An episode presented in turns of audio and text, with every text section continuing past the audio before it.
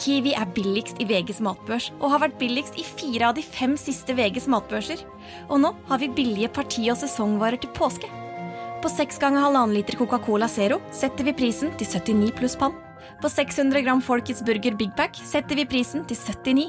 På 650 gram Lerøy helside laksefilet i aluminiumsform setter vi prisen til 169. For det er vi som er prispresserne. Og vi i Kiwi gir oss aldri på pris.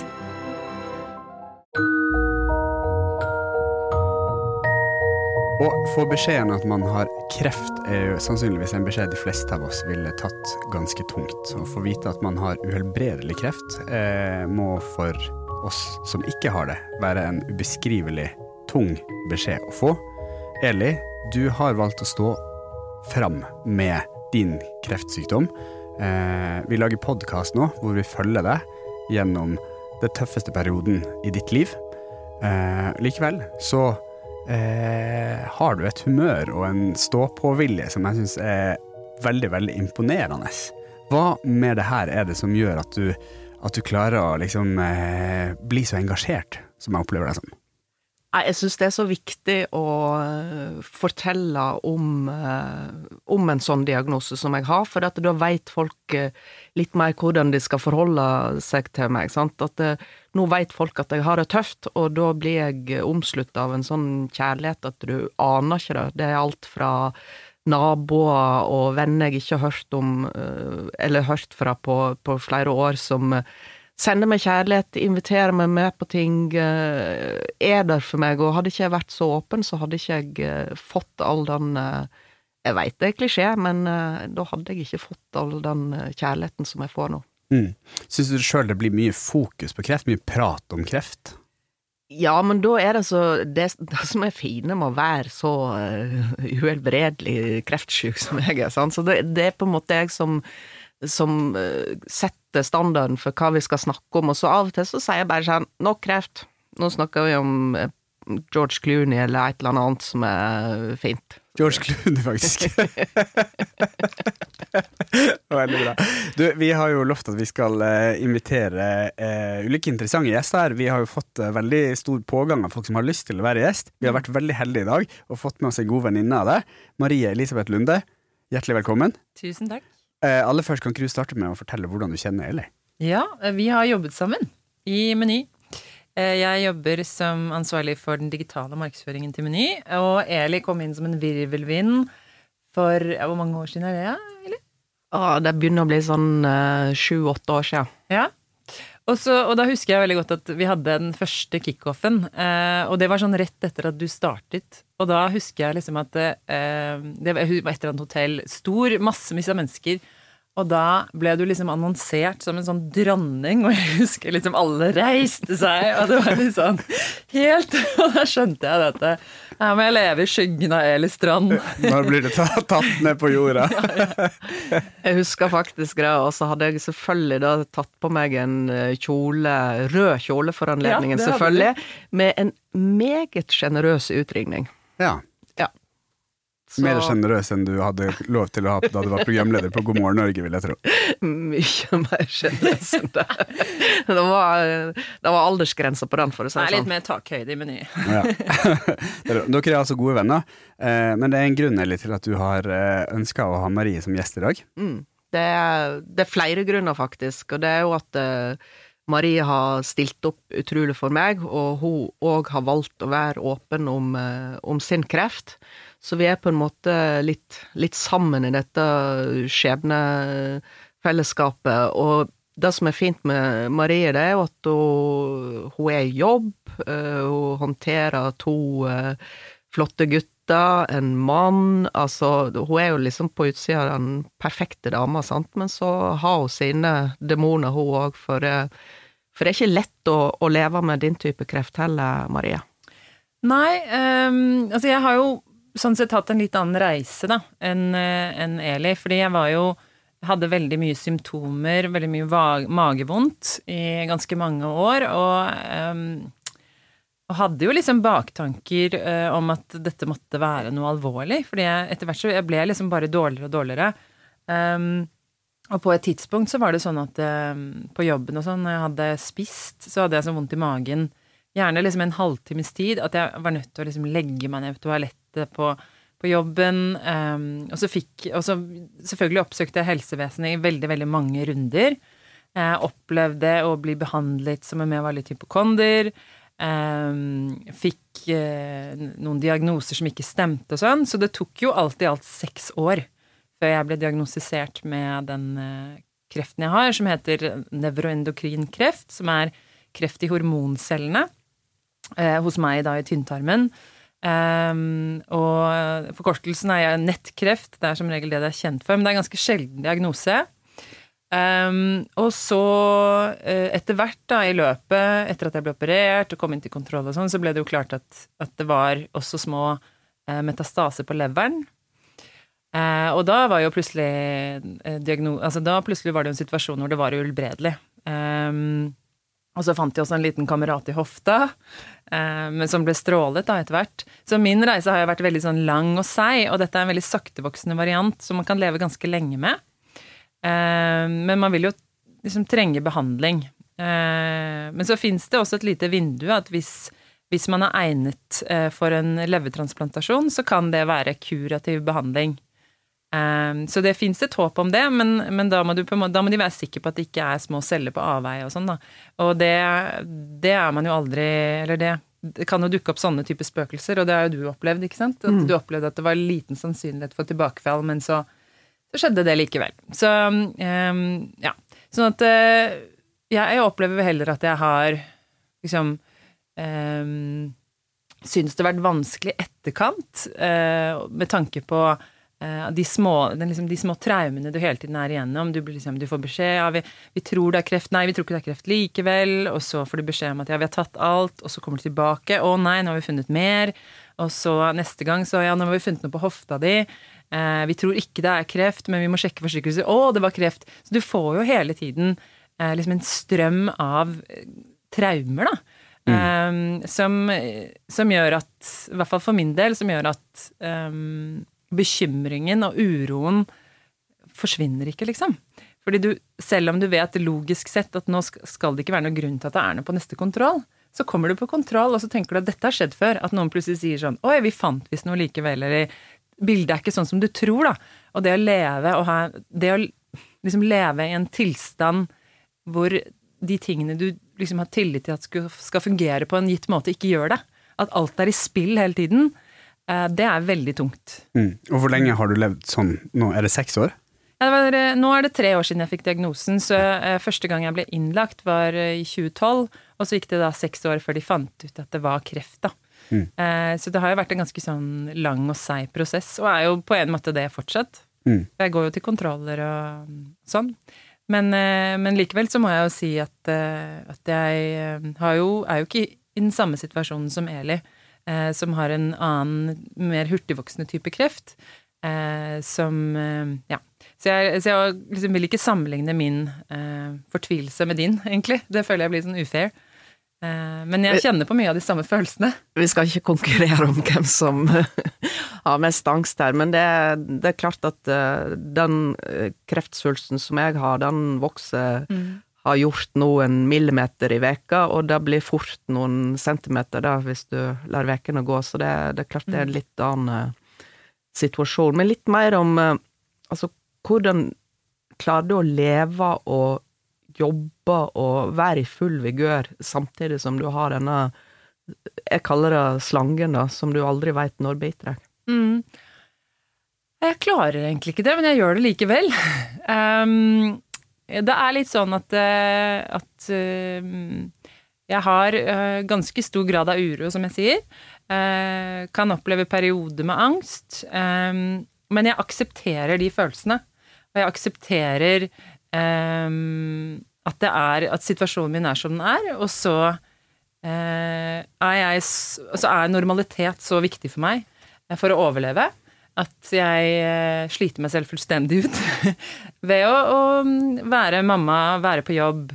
og gjøre de tingene som er viktige for meg for å føle at jeg har et normalt liv. Da, for det gir meg mer energi enn det jeg tapper av. Og, altså, jeg tror ikke jeg har fungert så bra hvis jeg liksom skulle gå rundt og tenke mye og liksom Jeg er en sånn grubler, så da hadde det bare blitt verre, tror jeg. Så det er litt sånn strategien min. Jeg bare kjører videre og, og liksom holder maskineriet i gang, da. Mm. I de, de, her to ulike sykdomsforløpene, dere, hvor mye kontakt har dere hatt med hverandre? Ikke så fryktelig mye. Vi skal ha mer kontakt, eh, kjenne på nå når jeg sitter, sitter, her med deg, for jeg merker jo den der energien du, du har, Marie. Eh, men det jeg husker spesielt godt, det var rett etter jeg fikk dette tilbakefallet og den fortvilelsen, så var Marie på med, med en gang. Og du, du hjelpte meg jo med noen uh, forsikringer som uh, i hvert fall vi i familien vår At vi hadde noen rettigheter der, som du påpekte. Så, så, det har ikke bare vært veldig godt å få den støtten din, at jeg er her for deg, eller du kan ringe meg når du vil, for det kunne jeg faktisk. Men du hjalp meg òg på en måte som, som var veldig bra for økonomien vår, og som vi ikke visste at vi For det, det er mye ting når du får den type kreft, og kan du bli ufør? Ja, da kan du, og har du forsikringa i orden? Og du, da kom du inn fra sidelinja og, ga oss eh, Skal ikke gå i detalj om mine forsikringer og sånn, men, men, du ga meg eh, et tips der som, eh, som var verdt eh, ja, noe sekssifra, altså. Mm. Ja, det var bare hyggelig. Jeg håper du hadde gjort det samme tilbake. Men det er, det er to ord som jeg, som jeg beit meg veldig merke i når du forteller din historie her. Det ene er da uh, uhelbredelig kreft, mm. og det andre er kurativ. Ja. Uh, at du kan, altså Hva innebærer det hvis du får en levertransplantasjon? Hva innebærer en kurativ uh, behandling? Kan man bli frisk? Ja. Ja, så ja. Du, så, ja. Men hvordan kan man da si at det er uhelbredelig? Nei, for i utgangspunktet så kaller man det uhelbredelig kreft. Men du må eh, Det er en del forhold som må ligge til rette for at du kan få en transplantasjon. Eh, og den utredningen er ganske lang, for de må være helt sikre på at det ikke fins en, en, kreft noe annet sted. Fordi hvis de bytter ut den leveren din, eh, og du plutselig dukker opp noe et annet sted, så, så vil det spre seg tilbake igjen til leveren. Sånn at, men det er jo altså et lite vindu, da, som er bare for, for noen. Eh, de som eh, er i en situasjon hvor det er mulig, men også tror jeg, jeg tror det er noe Jeg vet ikke nok om dette, altså, men det er sikkert noe med alder og sånn. De vil nok ikke gjøre det med mennesker som er eh, nærmer seg liksom livets slutt uansett. Mm. Men unge mennesker og sånn, så fins det den type og så skjer det jo mye, ikke sant. Det skjer jo mye innen behandling. Ikke så veldig mye på min type kreft, da. Men, eh, men, det er jo en av de tingene de har blitt flinkere på disse transplantasjonene. Men du må jo leve på immundempende medisiner. Eh, som selvfølgelig er et langt bedre alternativ enn å dø. Eh, men eh, ja. Så Og du må leve på mm, du, ja, Det er konsekvenser av det, da, å, å gå på sånn immundempende medisin. Mm. Ja når man lever med en kreftsykdom, så, så eh, vil jo jeg tro for veldig mange at det er naturlig at man blir veldig ekspert på sin egen sykdom. Man mm. innhenter veldig mye informasjon. Man eh, søker eh, nettet dag og natt for å finne alt man kan om sin egen situasjon. Det må være veldig slitsomt. Ja.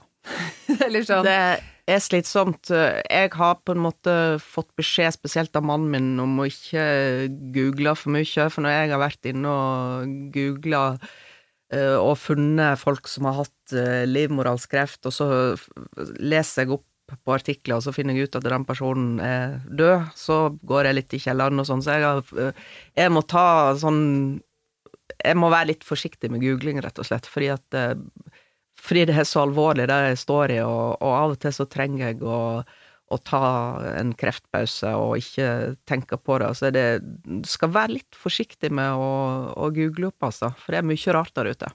Mm. Ja, og, det, og jeg tror at, uh, at, folk er litt forskjellige på det der også. Um, fordi det fins de som vil liksom At legen skal på en måte styre showet og, og fortelle deg uh, hvor du er i løypa, og sånn at du slipper egentlig å bruke tid på å lete opp og sånn.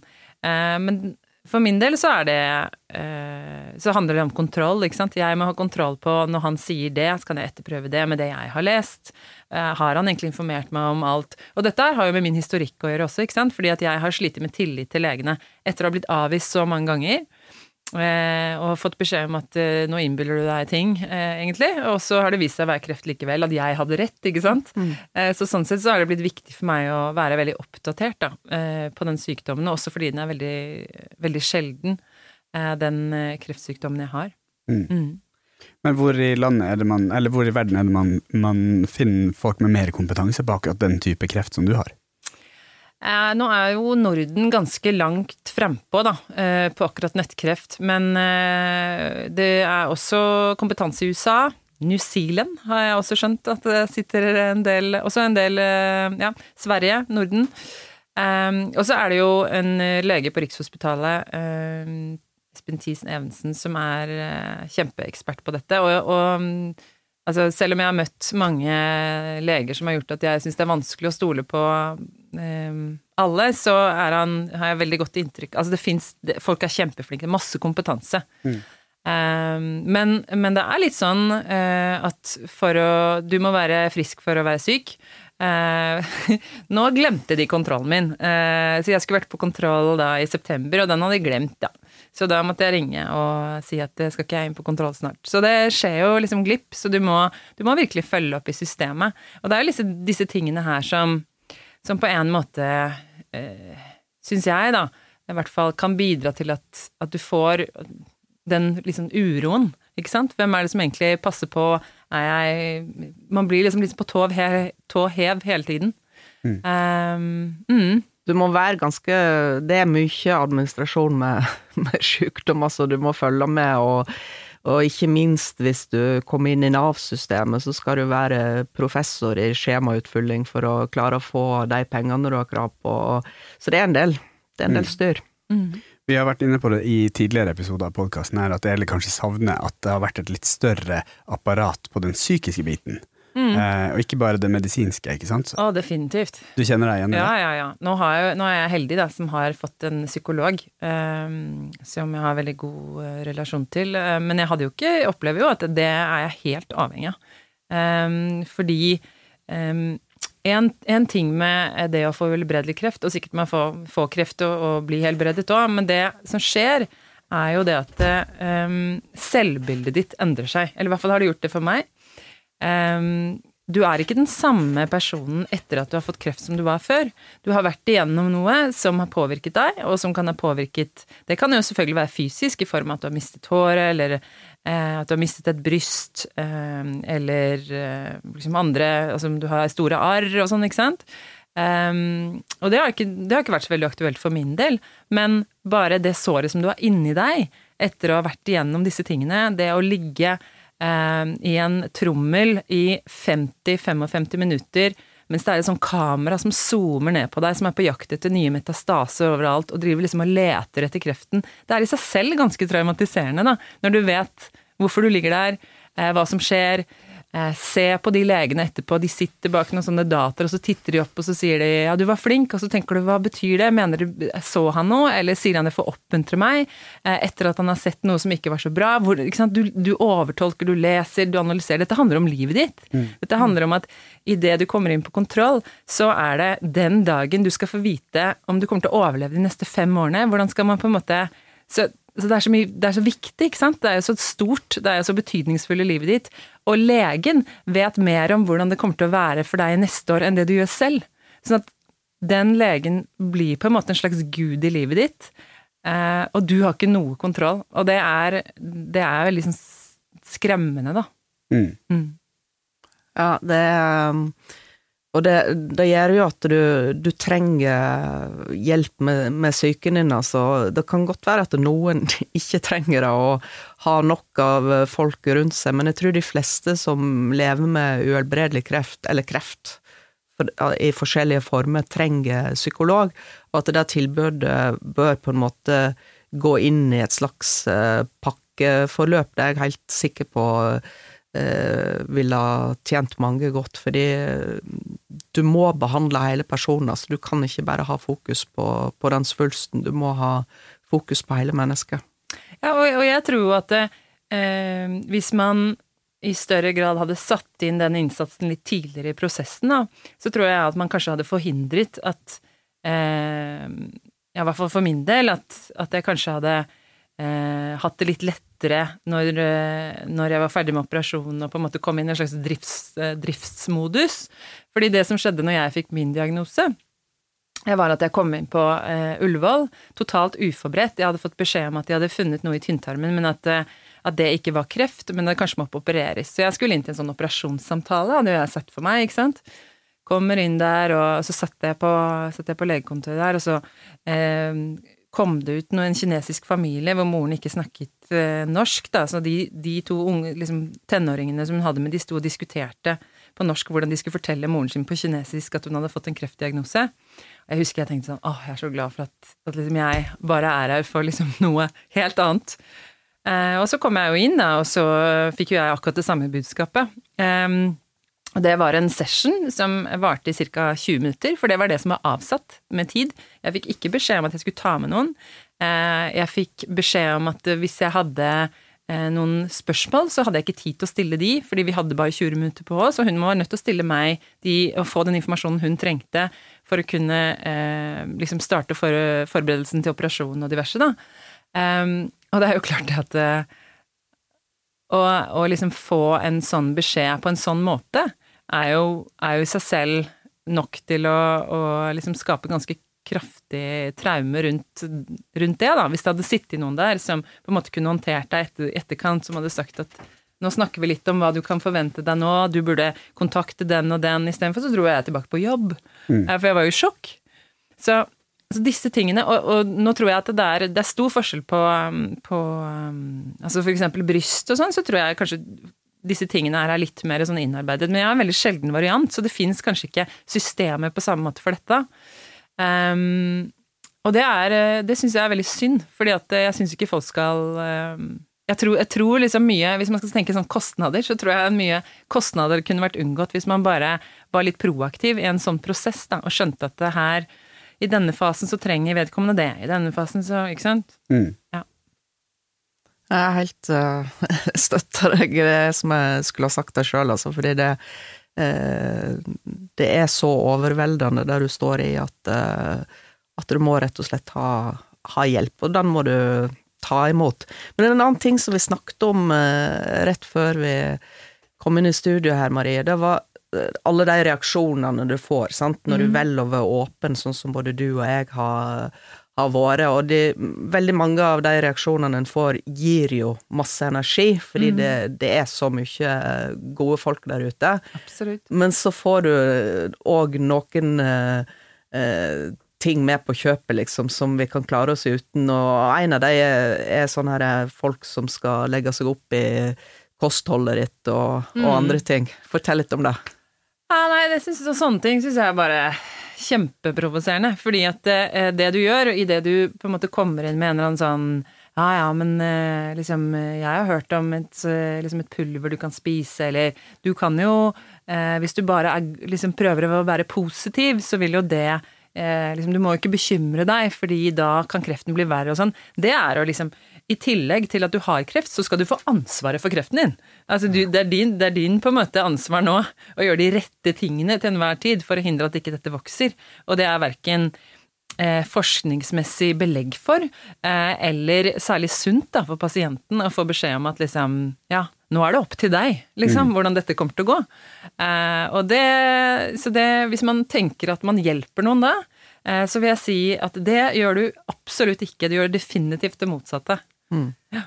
Men det, der kan jeg jo kanskje kjenne meg litt igjen. Ikke det at jeg har gitt veldig mange kostholdsråd eller sånt, og jeg har jo heldigvis ikke så veldig mange i min nære sfære som har kreft, men det er vanskelig å vite som pårørende hvordan man skal trøste, hvordan man skal hjelpe, hvordan man skal på en måte vise støtte.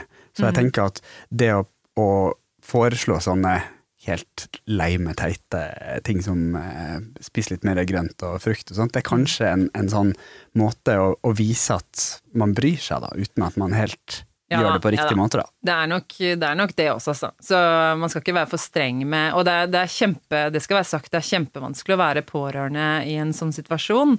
Men eh, det som jeg liksom tenker, hvis man kjenner noen som er i en krise, uavhengig av om det egentlig er kreft eller hva, eh, er egentlig bare å spørre sånn hva trenger du av meg nå?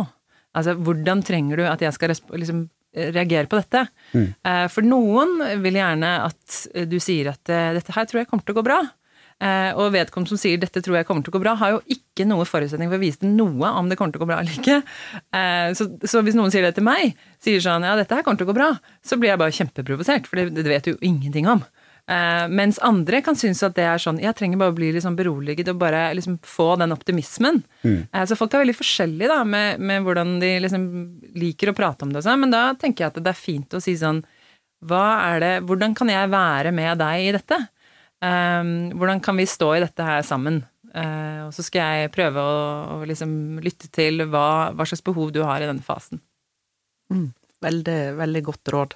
Og det er stort sett det folk spør, spør meg om òg, hvordan kan jeg støtte deg, Eli? Uh, Så det er veldig det er ikke, Vi skal ikke være så strenge som du sa, Marie, for at folk mener det jo godt når Ja. de sier 'spis Ja, ja. mer grønt', og kanskje gulrøtter hadde hjulpet, liksom. Eh, Men, men av og til så er det bare slitsomt å høre på eh, gode råd når du veit at eh, legene har på en måte Det er legene som sitter med, med svaret, hva som er best for deg. Hvis vi sånn helt eh, oppsummeringsmessig skal ta med oss et eh, slags type budskap, da, så bør jo det kanskje være både til, til eh, helsevesen, kanskje til pårørende, at man sørger for å liksom oppmuntre til et litt større sånn eh, nettverk på den psykiske biten. Mm, til ja. de som da nå sitter og kanskje har fått en kreftdiagnose, eller eh, lever helt i startfasen Mm, på, på en sånn sykdom, et sykdomsforløp som det dere nå har vært igjennom. da. Og ber du om hjelp, så får du det òg, vet du. Sant? Så jeg sa til fastlegen min jeg kom til å trenge psykolog resten av livet mitt. Og nå har jeg fått det. Så det er skrik ut. Tusen, tusen takk for at du tok deg tid til å være gjest hos oss. Bare hyggelig.